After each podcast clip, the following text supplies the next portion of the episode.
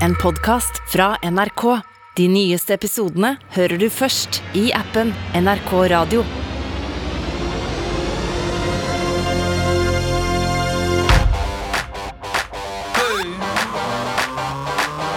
Popkorn over politikk med Sean Henrik Matheson og Gjermund Stenberg Eriksen. Velkommen til Popkorn og politikk, eh, en ekstra episode denne lørdagen. Jeg heter Sean Henrik Matheson, Gjermund Stenberg Eriksen in the house! Ja, og eh, god lørdag, og eh, god når som helst, fordi jeg håper at du også kommer fra framtiden eh, og har funnet Der er Roger Severin Bruland-episoden! Ja. Hvor du blir kjent med han som formidler, forteller og korrespondent. Mm. Og det er meningen her. Eh, Jeg er 48 år. Eh, Jeg har vokst opp i Norge med NRK, etter hvert TV 2, og hvordan reportere forteller fra utlandet Mm. er en sentral del av hvordan jeg har blitt til. Mm. Altså, verden er formet, og det stilles enorme krav til fagkunnskap og til respekt for de menneskene man er i. Mm. Og jeg har eh, gidder ikke diskutere. Jo, men det, hvor flinke er de, og hva kan de? Ja, ja, ja. Altså, skjønn, folkens, at man sender ikke hvem som helst til et annet land for å jobbe der og forstå politikken, samfunnet, menneskene. For det som har skjedd nå, kan nemlig skje. Mm. Verden endrer seg, og da trenger vi fortellere som både får fram det menneskelige og det storpolitiske, det vonde og det voldelige. Mm. Og Roger Severin Bruland er ikke den eneste, men han er en veldig god art av dette fantastiske paletten av norske utenriksreportere. Og jeg skulle ønske at vi kunne få en egen podserie som tok hele gjengen, og at vi kunne reise tilbake i historien og begynne på 80-tallet og si Odd Karsten Tveit. Velkommen. Nå er du ung, men når du blir gammel Uansett, det skal jo bli litt mindre at jeg prater, og mye mer av RSB, som er et respektord jeg liker å bruke. Og så har jeg insistert på at vi bare begynner i et hotellrom der han bodde, og der vi snakka med han når vi har intervjua han. Han har fortalt at vi fikk ikke romnummeret, for det er lureting eh, å ikke nevne romnummer om hvor kollegaer bor. Eh, For nå bor det en annen nordmann der.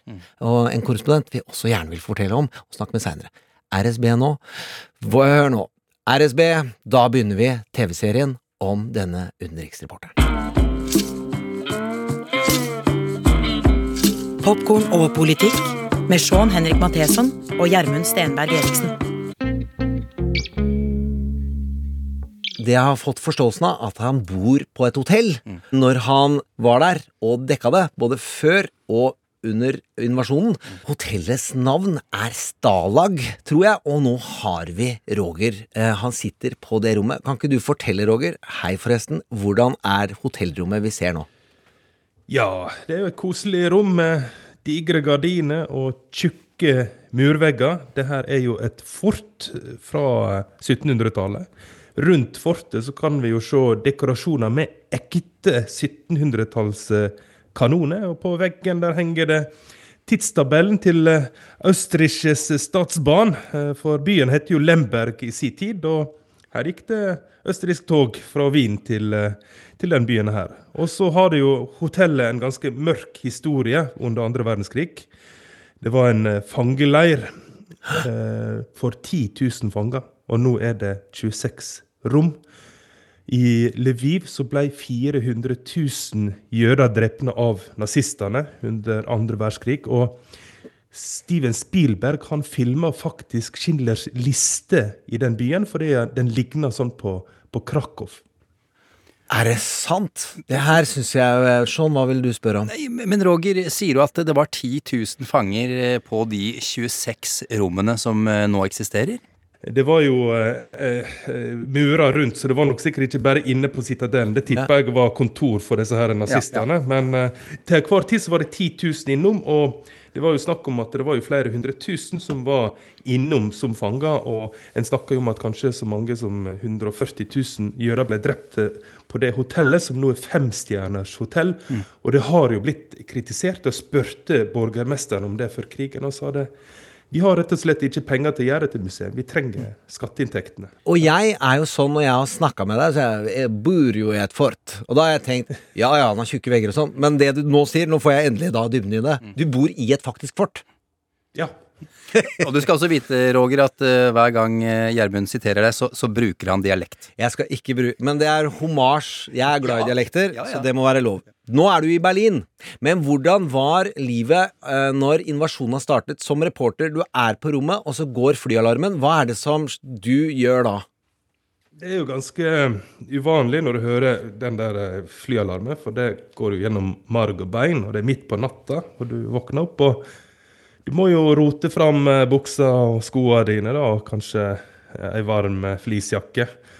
Og så er det jo som å gå som en zombie da, ned i, i kjelleren og sitte der og Der sitter du og ser på andre mennesker som sitter der med husdyra sine, med ungene sine, som sitter og er veldig redde. og ja, det er lukten av frykt.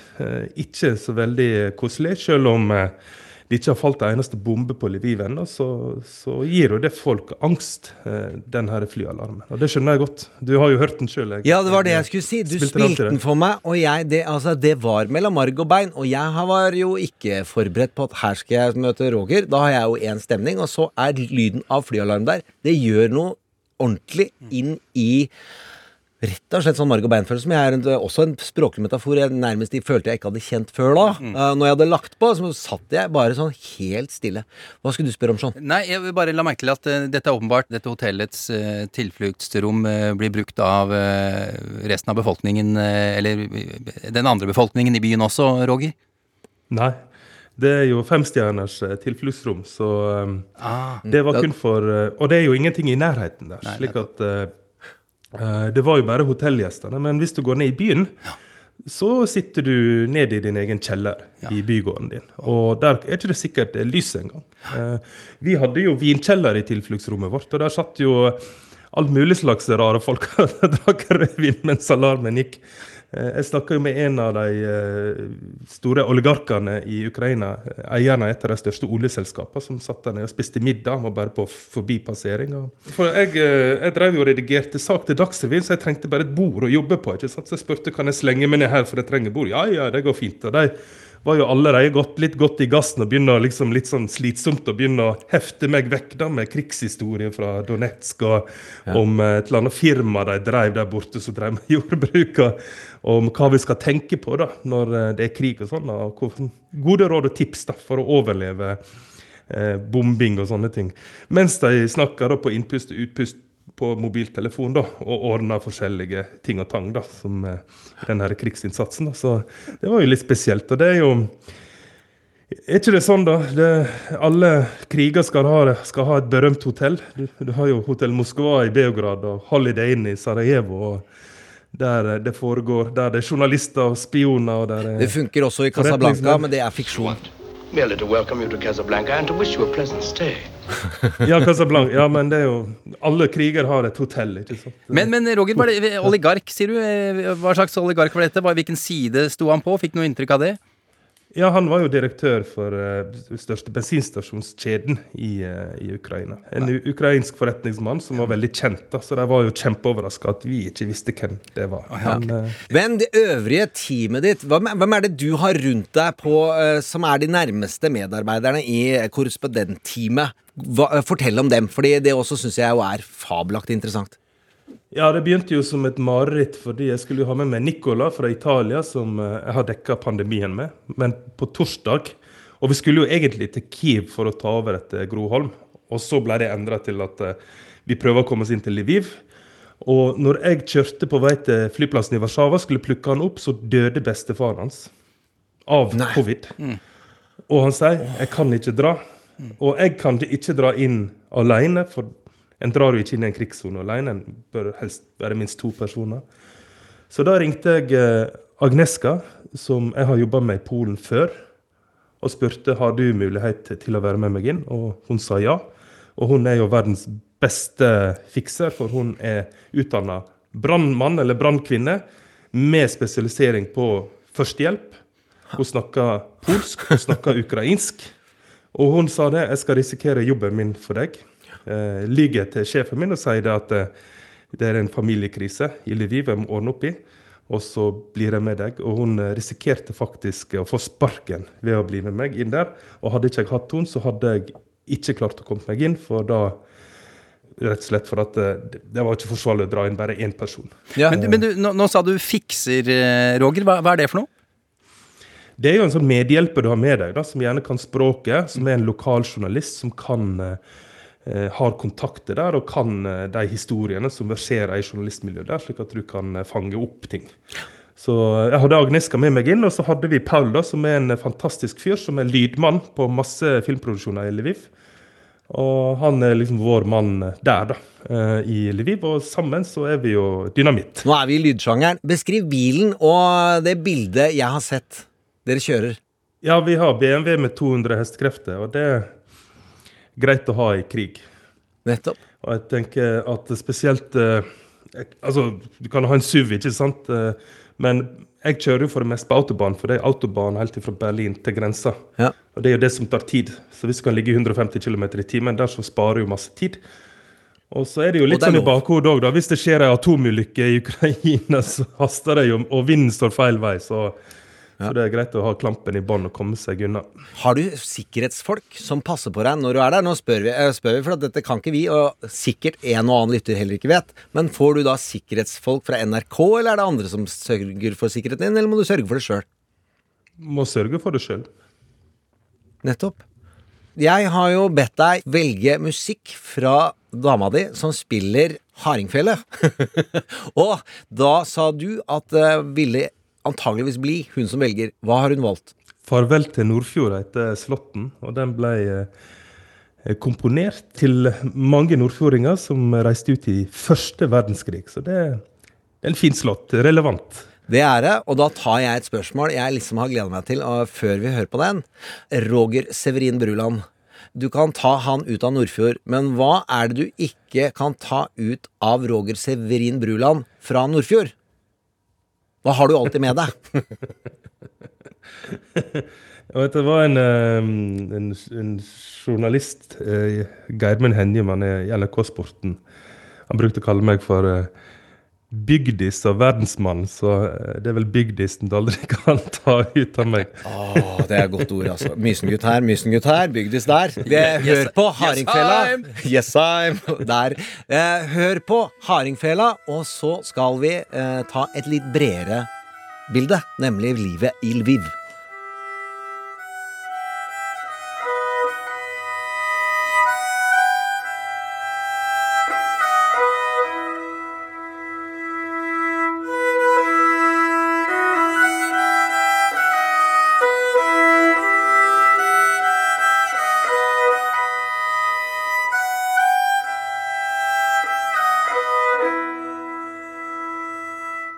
Farvel til eh, Nordfjord der. Det var, eh, det var vakkert, eh, Roger. Men du har altså vært i byen Lviv, og du har jo fortalt mye med kamera og bilder som kunne som vi har sett her på TV hjemme i, i Norge. Men allikevel, de fleste av oss har ikke vært der. Kan du beskrive litt mer? Hvordan så byen ut? Da jeg var der før krigen, så var det en vanlig weekenddestinasjon. Sånn klassisk Øst-Europa, shabby cheek, med masse kule restauranter og barer. Og så etter krigen så har det jo poppa opp masse sånne kontrollposter rundt omkring i byen. Der eh, fetteren og onkelen din står med jakthagler og passer på. En eh, barrikaderer igjen eh, vindu. En eh, pakker inn statue. Eh, du ser eh, massevis av folk som melder seg frivillig til å lage sånne kamuflasjenett. Jeg var jo også på en sånn smie som laga sånne spikermatter som en bruker på disse her kontrollpostene, spanske ryttere. Så ja, du ser jo en sånn gradvis militarisering. da. En hel by som eh, forbyr seg på å forsvare seg med alle midler. Når skjønte du, altså Hva var det som raskest forandra seg etter at invasjonen eh, skjedde, med tanke på, på motstandskampen eh, som eh, ukrainerne nå er i gang med? Altså i, i Lviv, selvfølgelig. Nei, det er jo veldig mye mer som står på spill. Så folk eh, blir jo Det blir jo en radikalisering av folk, ikke sant? Eh, Det blir snakk om eh, hat, om hevn. Og så må du jo stille deg det spørsmålet, da. Hva er du villig til å dø for? Eh, er du villig til å dø for familien din, eller er det hytta på fjellet, eller er det bilen din? Um, jeg snakka litt med han eh, Paul om det her, ikke sant. Og egentlig, sånn som jeg tolker det, så er det jo at eh, de er jo villige til å dø for at håpet fremdeles skal leve. At, eh, at det er håp om at framtida di ikke vil bli verre. ikke sant? Altså, Vinner Russland, så vil jo håpet dø. Og da har ikke noe mer å leve for. Og det er litt spesielt å tenke på at den her eh, endringa skjedde bare på noen få dager. liksom. Fra å leve et normalt liv, og vi skal ha karriere, vi skal ha familie og vi skal ha hobbyer på fritida, til at eh, er du villig til å dø for landet ditt? Er det andre sider med mentalitetsendringen i byen, og liksom stemninga når du møter de menneskene? Eh, Du snakker om en radikalisering, du sier at hevn og hat blir klart, og motstanderen blir klart. Du har også fortalt at ukrainsk humor Altså for hu, eh, humor er viktig for ukrainerne. Er det noe svart humor, eller er det bekmørkt uten humør de første ukene som du har vært der? Altså, um, humor er jo kjempeviktig i sånne situasjoner. Og um, det er sånn svart humor som kanskje ikke passer seg eh, i vanlige tider, men eh, i sånne krigssituasjoner så, så funker alt. Og, eh, og jeg er jo eksperten her, da. Det handler jo om å bryte opp en sånn klump i magen, ikke sant. Og, Ja, men Hvordan gjør de det da, Roger? Hva, hva, hva slags svart humor er det du har Er det noe du kan gjenta? Ja, altså, jeg, eh, jeg driver på med det sjøl. For at um, vi sitter i bomberommet. ikke sant? Jeg ser eh, Nå begynner folk å bli skikkelig redde, og du går i sånn frys.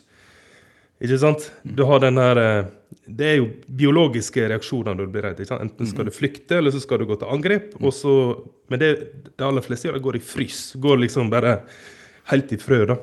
Så da går det an å dra en sånn Ja, og gjerne en sånn filmreferanse, da. Så hvis du sitter i et bomberom, da, så er jo sammenhengen det som gjør det litt morsomt. For eksempel, jeg kan sitte Oh, I love the smell of napalm in the morning. I love the smell of napalm in the morning. Og så kan jeg dulte borti og så få, få en reaksjon, da. Eller ta en sånn eh, Dr. Strangelove-parodi. og Sånn. Yes, mein Führer! Mein Führer! I can walk!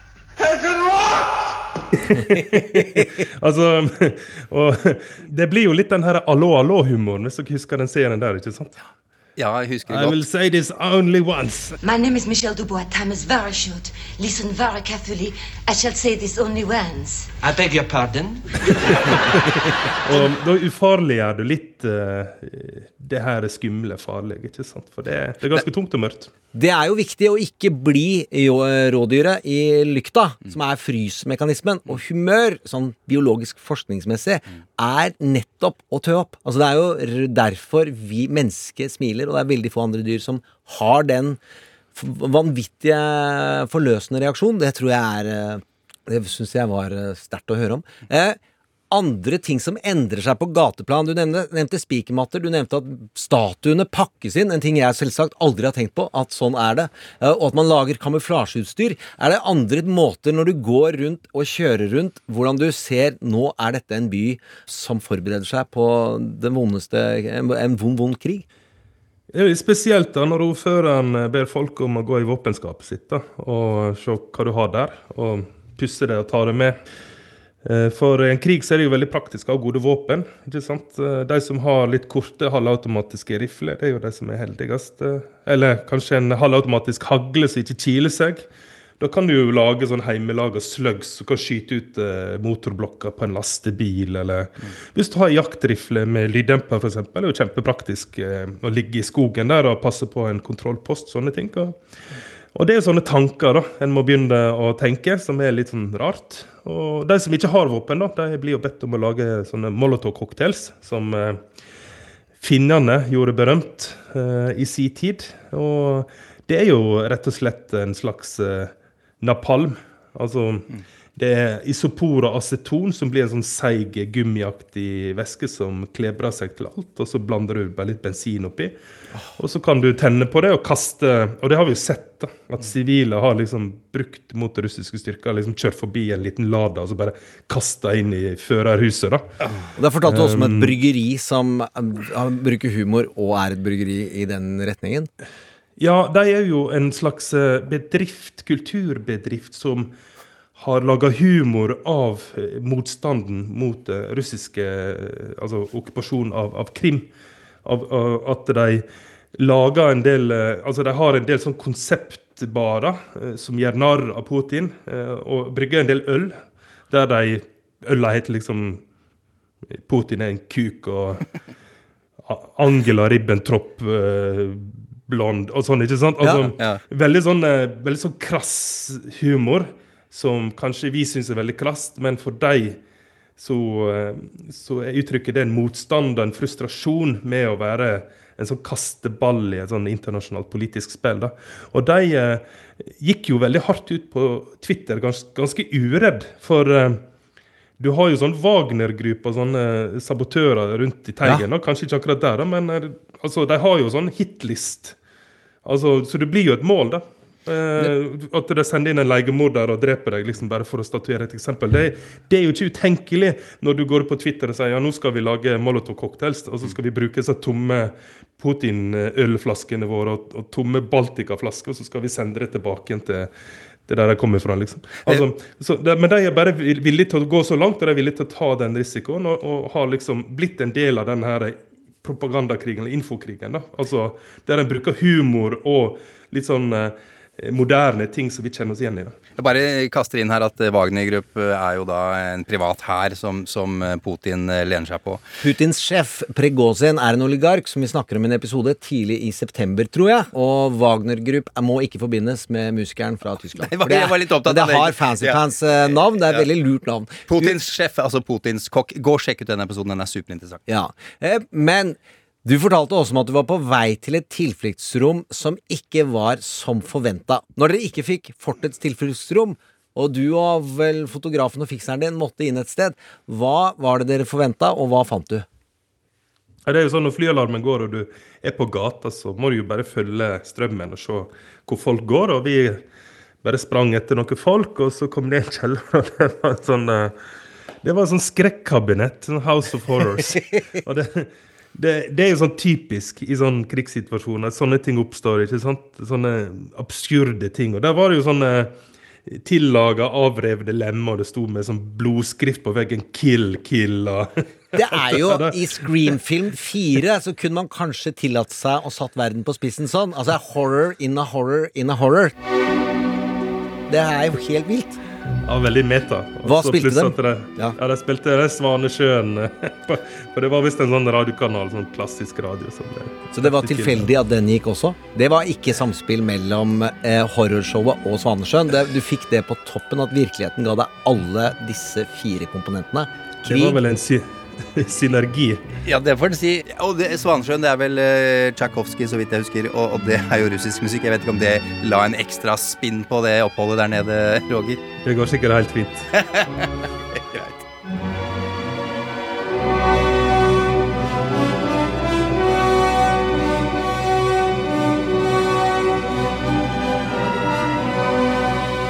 Du har jo rett og slett sagt at Liv er en av de kuleste byene du har vært i. Og jeg, hvis vi skal bare ta en liten håpovergang, så er jo at vi må komme oss dit når og hvis dette går bra over tid. Yellowstone er jo en eh, serie du har hørt. Vi har valgt ut at vi skal høre en liten musikk fra den. Skal vi snakke om den lengre ned i podden, og ulike serier som har betydd mye for deg. Men først Trouble, trouble, troubled all about my soul. Just as soon as my feet touch Zion, I won't be in trouble no more. I won't be in trouble no more. Yellowstone-musikk der, altså. La meg bare si det, mens vi nå er i en lørdagsekstrapod med Roger, at det kommer en ekstrapod på tirsdag med Rune. Og siden jeg er dressert til å alltid tenke på at vi skal få med flere folk, alltid, så sier jeg det nå. Men tilbake til oss her. ja, Rune Wenneberg, eh, forsvarssjefens eh, sjefssersjant, som vi snakka med på i går, altså fredagsepisoden. Vi skal snakke mer med han, og det kommer en ekstra episode i, på tirsdag. Ja, og, men back to Roger. Nobody keeps Roger in the corner. Så, du satt i Norge eh, og fikk telefon. Du skal eh, reise og være NRKs mann i Berlin. Hva tenkte du at jobben skulle bestå av, og når var det den tok sin første skikkelig dreining til hardt høyere.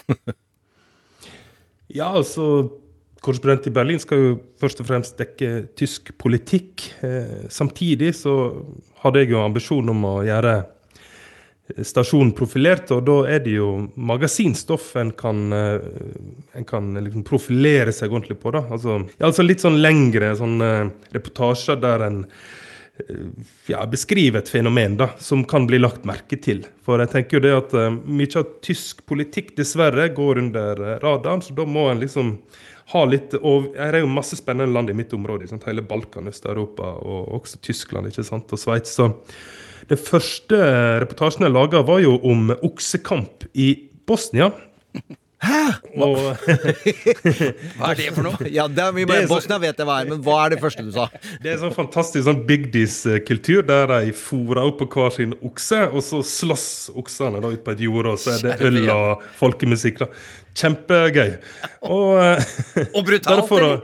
Ja, det høres jo litt mer anstendig ut enn den spanske varianten. Altså, altså, men det, hvordan var Det er ikke så brutalt fordi at oksene er, går på instinkt. De ser når med en gang en begynner å tape, så gir de seg. da. Så, så det er liksom ikke kamp til døden. da. Det er liksom bare at Det er boksing med ok. hansker. Det er litt instinkt, og det er litt og masse muskler. da. Så eh, jeg holdt jo på med litt sånne ting. Og jeg hadde jo igjen, ikke sant eh, var vel, eh, det her var det 25 eller 30 år siden revolusjonen i Romania. Det var vel 30, kanskje. Og fikk tak i den eneste av de som henretta Ceaucescu, som ikke hadde uttalt seg til media, som ikke hadde vært på retterstaden side, og tok han med dit. Herregud. Sånne ting, ikke sant? Og det var han som bitta hendene der på ryggen og stilte det opp etter veggen. og- Apropos hva man husker, for det er noe, et av de bildene i livet mitt som jeg husker når den lå der. Da var, da var den dagen Ja, Du så bare liksom røyken som, som, som fløt i, i lufta, og så, så lå de der, både han og kona. Du dekka med magasinsaker, lagde kreative og innfallsrike eh, magasinsaker Ja. og kulturstoff, og så kom Ja, ja. det en ny endring i reportertilværelsen som eh, noen mener at starta i Wuhan. Ja, men eh, i januar så var det jo da starten på det her eh, 75 år etter krigen. ikke sant? Det begynte med Auschwitz og kronprinsen der.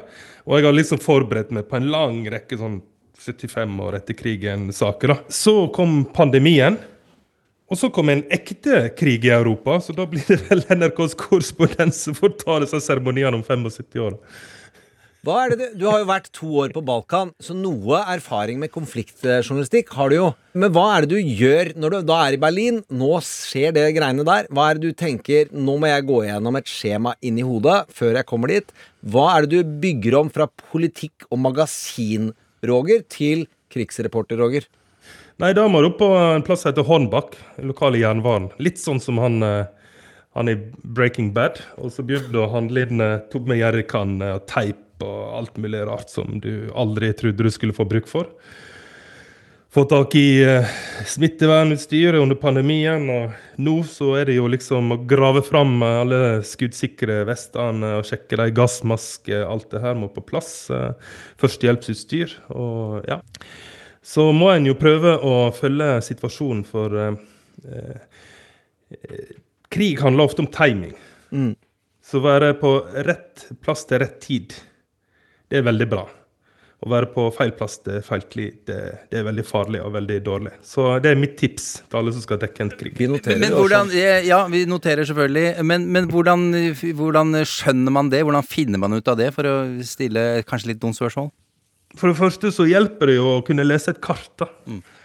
Og for det andre, hvis du har vært der før, så er jo det kjempeviktig. Og hvis du har erfaring med krigslignende situasjoner før, så, så er det kjempeviktig. Så, ja, Vi ser jo de som dekker Kiev nå, da. Det er jo Tim Juda som uh, dekker Balkankrigen. disse her, uh, Det er jo veteranene. ikke sant? Det er jo folk som kan dette her. ikke sant? Du må kunne dine egne begrensninger, ikke presse grensene.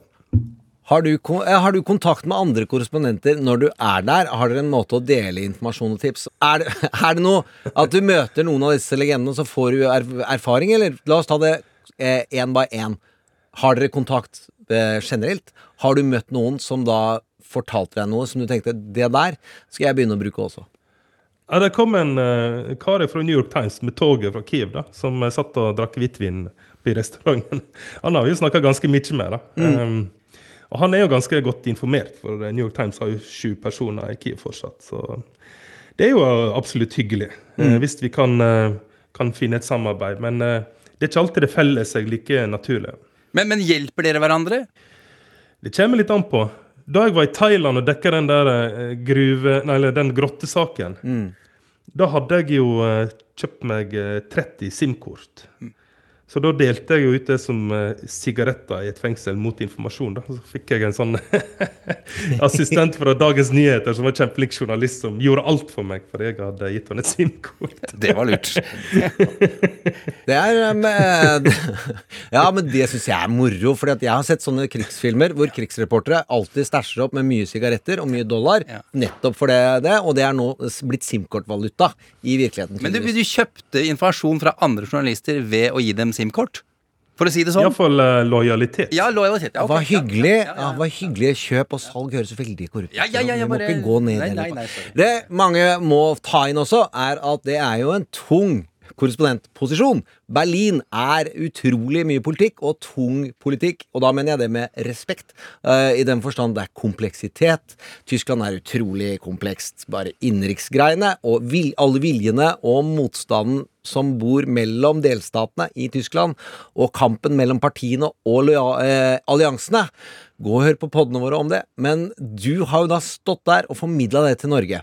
Du, Vi kan jo ikke ta alle sider ved tysk politikk året før denne krigen, men hva vil du trekke fram i din eh, politikkdekning som var særlig viktig for å forstå det som skjer i dag?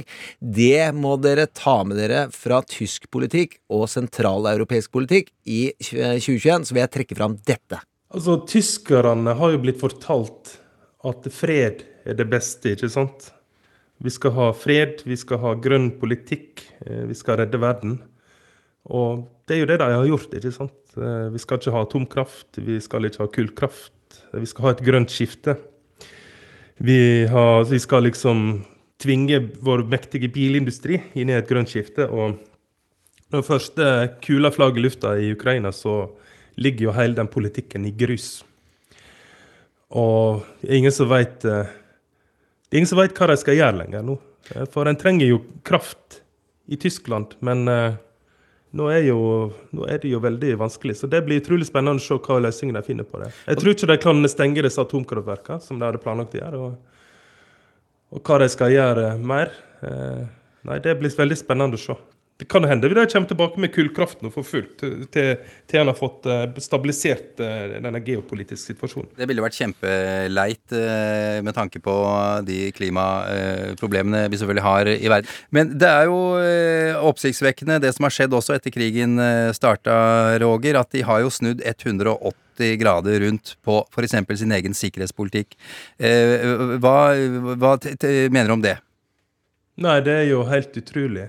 Men jeg eh, Du kan jo fortelle hva det handler om først. Altså, Hva er det de har gjort, eh, Roger? Ja, altså Nå har de jo begynt å gi våpen til et land som er i krig med Russland. Og det har de jo lova. Det lover jo Willy Brandt at det skulle aldri skje igjen etter den blodige invasjonen av Russland under andre verdenskrig. Men jeg tenker jo det at eh, jeg ser jo den menneskelige dimensjonen av det her. For jeg ser jo mennesker som jeg kjenner i Berlin, som er utrolig traumatisert andre verdenskrig. Og alt det her kommer tilbake igjen nå. Og eh, de prøver jo å være tapre, men fy faen, så redder de. Ja, b- v- vi tar videre med politikk hvert øyeblikk. Men den menneske, eh, menneskeholdningen og tilstedeværelsen av andre verdenskrig er noe jeg følte veldig på når jeg da lagde en serie i ett år med tyskere. Altså, de går utrolig raskt til å ta og nevne Husk at vi må være ærlig på det der. Altså, jeg vi lagde om høyreekstremisme, så jeg ville ikke bruke ordet nynazist, fordi dette handler om en ny type høyreekstremisme. Og de insisterte på hele tiden vi vil alltid nevne, og du må skjønne at vår jobb er å ikke glemme. Hvordan tror du tysk mentalitet nå endrer seg? Hva er alternativene? Det er jo ikke noe klare svar om framtiden, men hva er det de må prøve på menneskelig de nærmeste månedene? Ja, Baerbock hun har jo en, eh, altså en visjon om en sånn moralitet i utenrikspolitikken. da. Ja, Hun er fra De Grønne og er utenriksminister holdt jeg på å si, for, for, Ja. i Tyskland nå. Ja, mm. Men uh, alt er jo forandra. De må jo tilbake i tenkeboksen. Og uh, det er helt uh, åpent. Mm. Jeg får bare si sånn som New York Times-journalisten jeg har bodd sammen med i 14 dager, at her er ikke det vits å spekulere, her må vi bare vente til ting skjer. popkorn og politikk. Nå vil vi snakke med deg som forteller og formidler. Det er ikke tilfeldig den låta dere nå får. Jeg veit ikke hvilken eh, hylle du putter den på, eh, Roger Severin Bruland, men The Wire er for meg ved siden av Michelangelo. Altså Det er renessansefortellerkunst. Og den serien begynte alle fem sesongene med den samme sangen, men alltid en ny versjon. Og det vi skal nå, er å gå opp av det hullet vi nå har vært i, som disse synger. When you walk through the garden, you gotta watch your back. Well, I beg your pardon. Walk the straight and narrow track. If you walk with Jesus, He's gonna save your soul. You gotta keep the devil way down in the hole. Roger, eh, det er jo mange sterke inntrykk du, du møter på. Eh, Hvordan håndterer du alt du ser og opplever? Det er jo ikke lett å håndtere, for det er jo utrolig vondt å møte folk som er fullstendig traumatisert. Jeg tror ikke vi kan forstå Jeg tror ikke vi forstår hvordan det er å være under konstant artilleriild.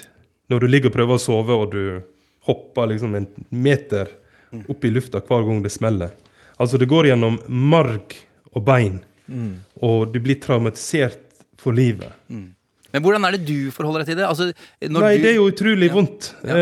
det er ikke noen annen måte å si det på. Når du ser folk, du ser i øynene på dem, ikke sant? De, nervene er helt ødelagt, og, og de begynner jo å gråte bare du, bare du stiller spørsmål. Altså, ikke sant? Mm. hva, hvordan eh, håndterer du det? Det er jo bare kjempevanskelig. Og, Men når du kommer hjem på, Eh, tilbake på hotellrommet ditt eh, i Lviv, eh, hva, hva, hva tenker du på? Hva, hva, hva, hvordan Hvordan prosesserer Ja, du? Er det, altså, er, er, har du, er det noen sånn utligning, eller er det bare sånn Dette har du jobba med så lenge at nå prøver jeg Må jeg eh, Hva heter det? Compartmentalize, sier de på film.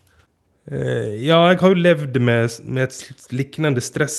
Ikke så tøft, da, men eh, som soldat i Bosnia og Kosovo. Så jeg har jo brukt 20 år på å liksom behandle disse følelsene og Du har vært soldat i Kosovo, det hadde jeg glemt å researche meg fram til. Bosnia òg. Ja, For vi har jo snakka med, med Rune Wenneberg, eh, som jo er profesjonell soldat og vært i, i, i mange krigssituasjoner. Han forteller jo at, at uh, norske soldater eh, lærer jo hvordan man skal forholde seg til eh, slik stress. Og da jeg antar at du også da tok fram alt det du, alt det du lærte da du var i, i militæret? Ja, en Det er jo litt spesielt, da.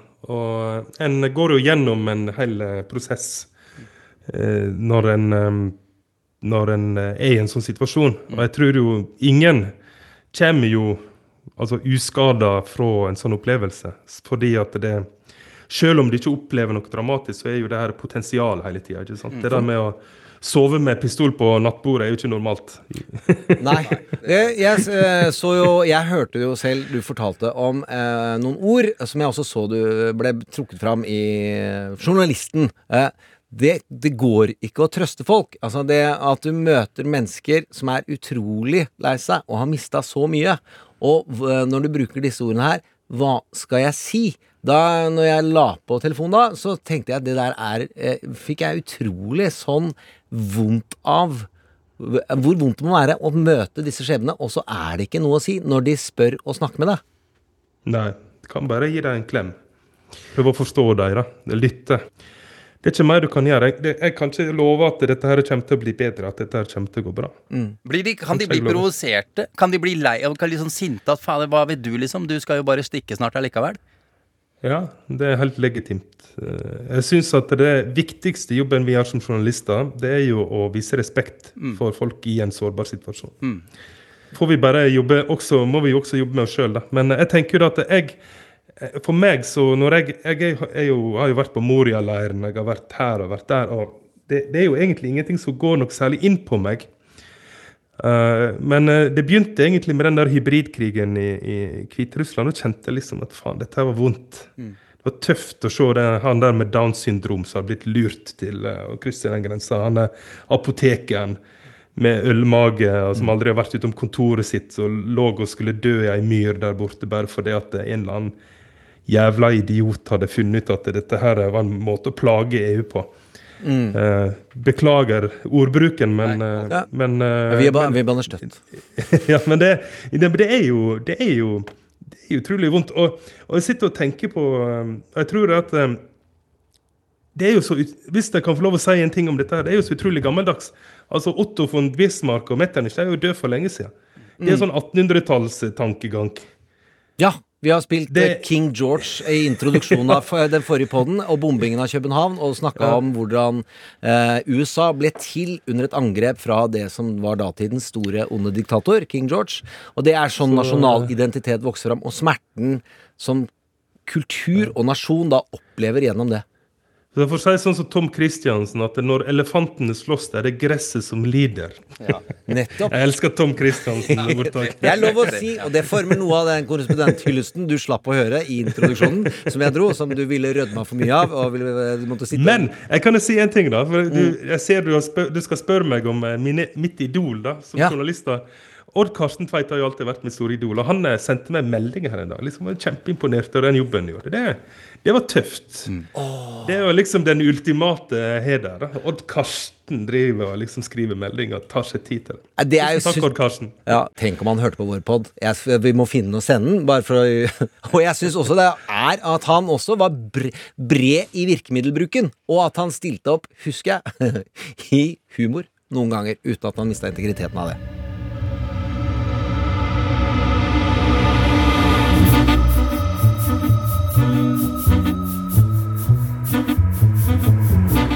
Du har uh, en serie som vi har nevnt, er om Baltimore, en by uh, i USA som har veldig mange sesonger, fem stykken, og hvor hver sesong tar for seg én del av samfunnet, og den siste sesongen tar for seg journalistikken.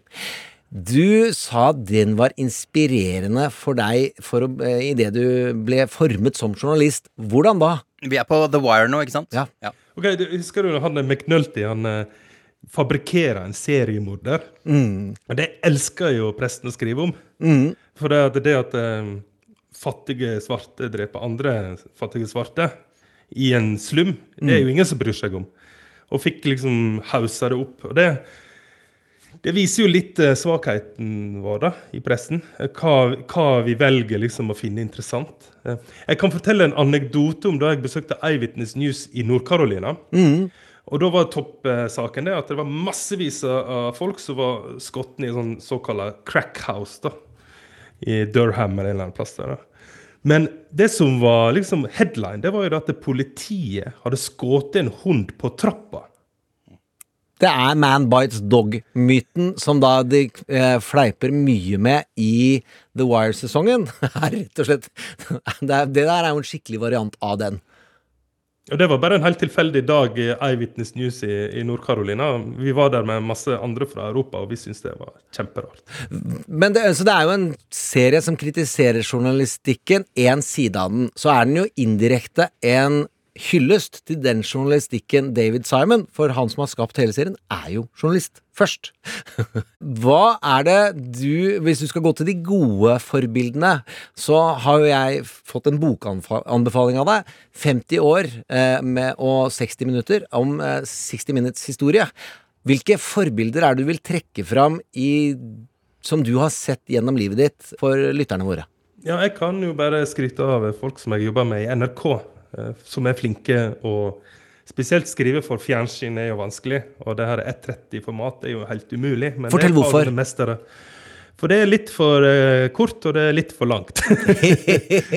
Nettopp. Så uh, Lars Sigurd Sunna, da. da. Eh, Mm. Dere vet sikkert hvem det var? Ja. Ha- Han tok jo sånne 30 sekunders intervjuer, for han hadde jo laga historien opp i hodet. Så han skulle ha en start, og så skulle han ha 15 sekunder synk, og så midten, og så skulle han ha 15 sekunder synk, og så skulle han ha avslutning. Bang. Så var han ferdig med den saken. Det holdt han på med i 60 år. jeg har vært med han on the job training bare for, for, for min egen del, for jeg syns han var kjempeflink. Men nå er, veldig, nå er det veldig TV-faglig her. Synk Ja, og alt ja. mulig. Ja, altså Ja. eh, soundbite. Altså 15 sekunder eh, innledning, så er det 15 sekunder eh, intervju. Så er det 15 sekunder midt, og så er det 15 sekunder intervju, og så er det 15 sekunder en avslutning. Så har du 1,30. Eh, Ingolf Håkon Teigene, eksempel, han, uh, han lever jo ikke lenger, men manuset hans ligger jo inn i, i den her ENPS-programvaren som vi bruker. Så det, han er jo kjempe Han er jo poet. Er du så nerd at du går og sjekker uh, helte, døde helters manus i MPS-en? Det bør alle mm, som jobber i NRK gjøre. Ja. Jeg er, jeg er, jeg er frilans innleid, så jeg aner jo ikke hva han snakker om. MPS, hva er det for sånn? noe? NPS det er det programmet vi bruker, vi journalister her i NRK, der vi skriver manus. Det er det eh, skjemaet du ikke orker å forholde deg til. Gjermund, det er derfor vi bruker et annet et. Men det er helt riktig, der, der, ligger det, der ligger det veldig mye fine ting. Jeg er helt, helt Der ligger enig, det masse Ja, gull. Ja, ja.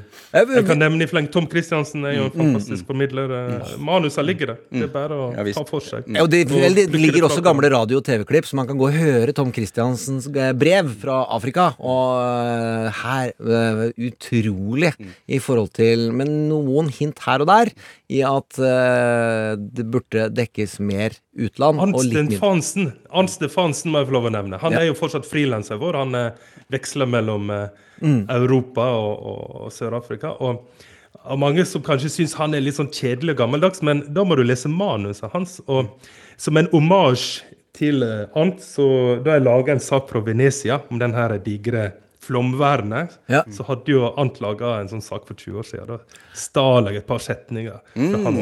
Og så når du begynner, å- når du begynner å lese dem sjøl, du leser dem på bildet, så tenker du dette her var bra. Det var bra skrevet. Dette kan han. Det er nydelig, Roger. Fader, så fett. Men du har studert en annen forteller som jeg har lyst til å trekke fram, fordi det er jo en av mine store forbilder. Det er Taylor Sheridan, som da har laget Yellowstone. En serie fra Montana, cirka, i USA. Et fabelaktig naturlandskap.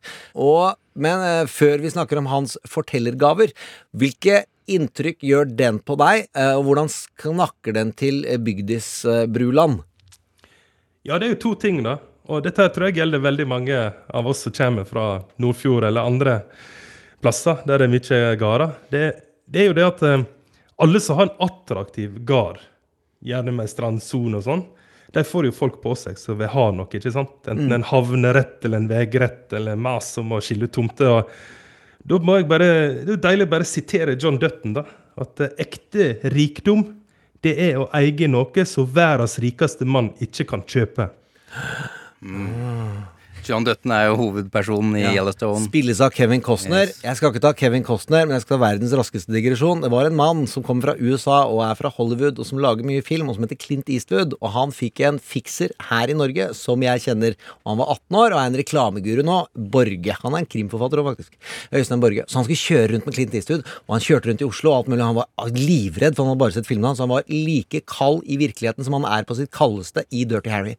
Så kom han opp på Frognerseteren, for han sa hvor, eh, hvor kan jeg spise noe godt? Og han var 18 år, han har jo faen ikke spist noe annet enn pølser og sånt. Så han har ikke spist det ute et sted. Men han har hørt eplekaka på Frognerseteren. Den skal være god. Den skal være god. Jeg kjører dit. Som 18-åringer. Kan ingenting. Kjører opp. Får altså en sånn flyvertinnelag. Sier ikke at det er nedsettende, men han sa at det er da, et damearsenal av kvinner som skal være med og hjelpe han med alt. Spiser eplekaka. Og så ser han den som er et kjempeelghorn som henger på veggen. Så sier han OK, guy. Uh, you go ask the owner of this place. Uh, I want to buy that moose. Og så må Øystein si det- Det er Du er in um, You're in, in Norway. You, there's some things uh, you cannot uh, I Go ask. Everything has a price. Uh, uh, you, og så måtte han gå. Og så kommer det uh, ikke eieren, men bare hovmesteren. Han vet jo at det er Clint Eastwood. You can't buy that. ja, litt lang historie, men jeg syns det er en Clint Eastwood. Hva skulle du si, You can't Roger? buy that punk. Ja, for det er en ting til. eh, Og John Dutton han er jo helten, helten her, ikke sant? Og han er jo en person, altså en dinosaur, der, som, der alle rundt han vil jo gjøre alt for han, ikke sant? Selv om han er gammeldags, han er utdatert. Og det er noe sånn underlig voldelig over han. Det er at han driver og brennmerker sine, sin egen stab. Så ungene støtter han, ikke sant? Eh, og dattera sier så lenge han lever, så skal vi eh, støtte han, men så skal vi selge faenskapen med en gang han er død. ikke sant? Altså, Det her er samtaler som vi som kommer fra gård, vi kjenner oss igjen i. ikke sant? Det er jo alle, alle kan jo forstå det her eh, behovet for å forsvare sitt eget land. Eh, og det høres kanskje litt rart ut, eh, sånn småbruk på Vestlandet for dere som er oppvokst i, i leilighet i byen. ikke sant? Men for meg Hei, er det helt vold naturlig. i Mysen er min bakgrunn, uh, og mye går det rundt. Og odelsfamilier uh, og striden inni der kjenner vi fra skolesamtaler. Andre sider ved Tel Taylor Sheridans fortellerstil og tone. Du har jo sett filmene hans, raskt fortalt. Sicario, Hell or High Water og Wind River. Og så har du sett hele Yellowstone, og så skjente du ut og tok Mare of Kingstown i tillegg. Og dette på Hva er det ved hans måte å fortelle på som du setter pris på? Altså, plottet er superenkelt, men karakterene er veldig komplekse og karismatiske. Og så er det det her med at eh, replikken er så utrolig slagferdig. Altså, du får svar på tiltale. Det svir litt når de svarer, ikke sant? Og det, da blir det spennende å se på. Tenker, hvilken prosess går du gjennom hvis du da får noe mer enn 90 sekunder? Her må jeg lage en historie. Eh, Jeg tenker at nå jeg Nå opplever jeg noe viktig i et annet land, eh, og dette er ikke det folk trodde de skulle få, så nå skal jeg eh, lage det for dem, og skal jeg prøve å få dette til å funke så bredt og godt som mulig. Hva er det du tenker du må ha av ingredienser i din fortelling? Ja, Da må du ha gode situasjoner. Det er en gammel floskel, det her med show, don't tell. Altså, vi er en pod eh, som aldri kaller noe gamle floskler, fordi vi er alle fotnoter i Aristoteles bok om hvordan ting skal gjøres. Fortsett, Hva mener du med det? Ja, Du må ha en situasjon som demonstrerer hva det er du prøver å fortelle. Du kan ikke bare skrive det i ei blokk, liksom. Og så må du ha noen som eh, forklarer klart og tydelig. Hvordan er det du trives med å møte mennesker? For det er en ting jeg, eh, hvis jeg skal analysere hvordan jeg ser din journalistikk, så er det jo et ord som du snakka om, respekt. Men det virker også som om du møter mennesker med en interesse som de speiler seg i. Altså at de får lyst til å fortelle deg hva det er. Eh, Hva er det ved disse menneskemøtene du setter mest pris på? Ja, du kan jo få nye venner. Så du kan møte i en annen sammenheng. Og ofte er de også mer intelligente enn deg sjøl, så du kan kanskje til og med lære noe av dem. men, eh, men, eh, hvis men hvis at du er litt audmjuk, da. For um, vi som er fra Norge, vi kan ofte framstå som litt arrogante. For vi kommer fra verdens rikeste og beste land. Og skal liksom eh, drive og belære verden om eh, alt mulig rart. Um, og hvis vi liksom tar, tar det litt ned, og så heller prøver å lytte litt mer, så, og er litt mer nedpå jorda, da, så, så vil folk uh, like deg, og da, da, da vil ting eh, gå så mye bedre enn hvis en bare skal gå rundt der og være, være sånn eh, predikant for, på vegne av eh, et eller annet. Et stort, eh, velfungerende verdens beste, lykkeligste land, eh, som vi er på ganske mange målinger, og rikeste, som vi er på også noen målinger. Hva er eh, det, av de minst viktige tingene, altså de helt ubetydelige, hva er det verste ved jobben din? Som eh, det er, eh, folk ikke skjønner er irriterende, men det er irriterende. Jeg har ingenting å klage over, for jeg er jo superprivilegert. Har jo kjempeflott jobb eh, i NRK. Men uh, hvis du spør uh, samboeren min, da, så er Ja, jeg kanskje litt dårlig på er litt dårlig på, på alle sånne praktiske ting. Mm. Og uh, alle sånne småting, det, det er ikke viktig. Altså, og det, det kan, For hun som er litt sånn detaljorientert, så kan det bli forferdelig frustrerende. da. Så jeg kan, jeg kan bruke en sånn uh, Husker du her tegneserien Hårek? Mm. Når Hårek står og forkynner at nå skal han ut og erobre England, og bla, bla, bla, bla. Så får han bare svaret fra Gud. da, liksom, Ta med deg eh, søpla på vei ut. Ja. Men det er Den også- syns jeg var god. Og det er viktig å få seg, å få seg sånne uh, partnere som ikke har verdens største respekt for det man holder på med. Det mener jeg, og det mener Sean. For når våre prateegoer uh, kommer inn døra hjemme, så hender det i hvert fall at jeg blir jekka raskt ned. Men du, eh, til slutt. Du har vært gjennom nå et nytt minne, en ny reise over noen uker, eh, som du ikke med sikkerhet kunne si at du skulle bli utsatt for, i hvert fall i november. Hva er det minnet som er positivt, som du vil ta med? Eh, Det har jo mange mørke minner fra Lviv, men hva er det øyeblikket du tenker det hyggelige der, det skal uansett hva som skjer, det skal jeg klare å huske? Eller eh, du ikke trenger å jobbe med for å huske engang? Det er tre veldig blide jenter i resepsjonen på hotellet som jeg kan eh, fleipe litt med. Og så en uh, superoptimistisk eh, pikkolo. Savner de allerede. Så du dro det tilbake til alle hoteller må ha en krig. Feil setning. Alle krig må ha hoteller. Der beholder vi talefeilen, for den gjorde seg litt. Rann. De tre kvinnene og pikkoloen eh, er en del av karaktergalleriet. RSB, 1000 milliarder takk for at du tok deg tid. Og så unner jeg deg verdens beste helg i Berlin. Verden er ikke all verden om dagen, men kos deg så bra du kan. Helt til slutt her, jeg bare sier igjen, jeg. Tirsdag, det er ekstrapod igjen. Sean, fortell. Hvem kommer, og hva får du? Ja, det er Rune Wenneberg som jo var med i vår podkast på, på fredag. Eh, Da snakka han om eh, motstandskampen i, i Ukraina. Eh, På tirsdag så skal han fortelle om sine egne erfaringer som eh, soldat. Han er en av Norges aller eh, mest erfarne soldater. Har vært i eh, utenlandsoppdrag eh, flere steder. eh, Irak og Afghanistan blant annet. Og han skal fortelle om sine egne opplevelser, og det er sterkt, eh, fordi han har jo stått midt i det. Det vi har sett på krig, eh, på film, unnskyld, har han eh, opplevd det helt eh, nært. Og han skal fortelle om hvordan han håndterer det. Og han skal også, eller soldater da, håndterer det. Han også, skal også fortelle om, eh, om forskjellene på, på ukrainske soldater og, og russiske soldater. Ha en god uke, folkens, og kos dere med nok en sang fra Yellowstone. Hvis du har lyst til å være inne i countryverden i Montana. Du har hørt en podkast fra NRK. De nyeste episodene hører du først i appen NRK Radio.